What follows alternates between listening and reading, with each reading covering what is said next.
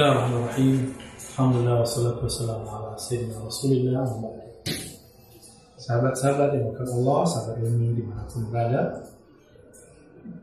kita sering mendengar orang bersolawat dengan lafaz Allah salli ala Sayyidina Muhammad.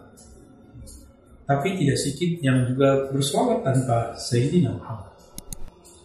Lalu kita mendengar beberapa orang mengingkari, ada juga yang membolehkan. Bahkan juga ada yang menganjurkan. Apakah sebenarnya dalil atau manakah sebenarnya dalil daripada Sayyidina? Karena ini zaman mana dalilnya?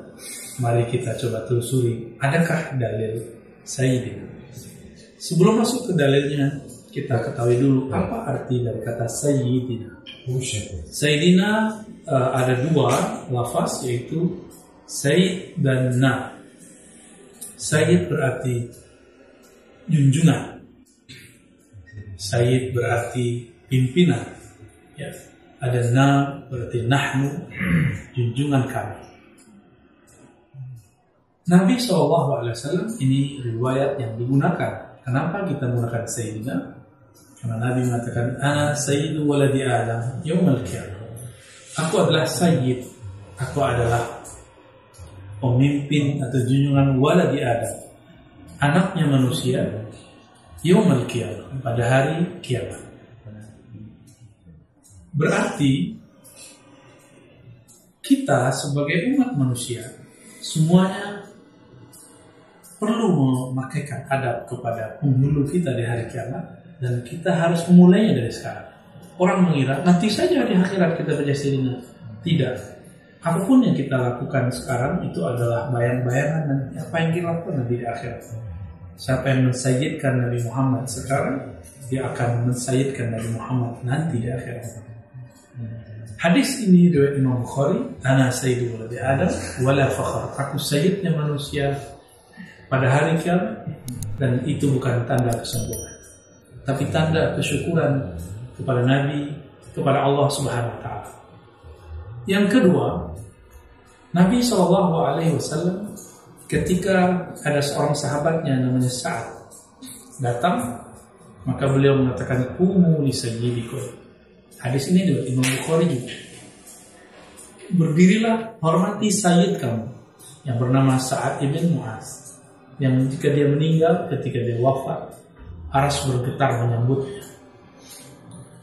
Hadis ini menunjukkan bahwa kata sayyid juga diberikan kepada selain Nabi Muhammad SAW. Dan yang paling unik hadis ini diberi menunjukkan bahwa sayyid diberikan kepada yang bukan zuriat Nabi dan bukan keluarga Nabi Wasallam. Dalam hadis Imam Tirmizi, Nabi menunjuk Hasan dan Husain. Apa kata beliau? Hasan dan Husain adalah Sayyidah Syababil Jannah, adalah Sayyid pemuda-pemuda surga. Sayyid berarti pemimpin, junjungan pemuda-pemuda surga. Berarti kata Sayyid juga disematkan kepada zuriat Nabi.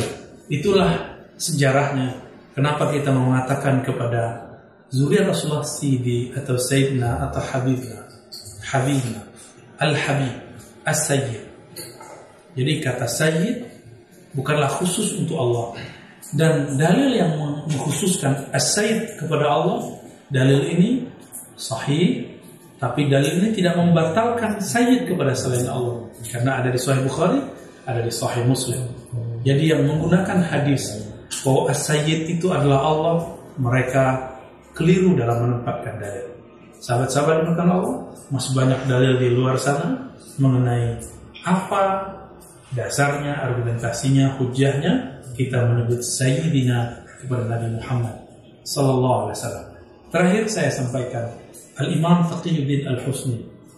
Beliau diberikan ketajaman ilmu ketajaman mata batin oleh Allah SWT mengarang kifayatul akhyar karena beliau diberikan kedalaman itu banyak pengalaman spiritual rohani yang beliau lihat pada puncaknya beliau melihat bahwa pemimpin kerohanian seluruh dunia adalah Nabi Muhammad Sallallahu Alaihi Wasallam dan beliau kemudian mengatakan membaca Sayyidina bagi saya adalah wajib Meskipun kami tidak mewajibkan Sayyidina, tapi kita menganjurkan lafaz itu baik dalam sholat ataupun di luar sholat. Sallallahu alaihi Muhammad. Assalamualaikum warahmatullahi wabarakatuh.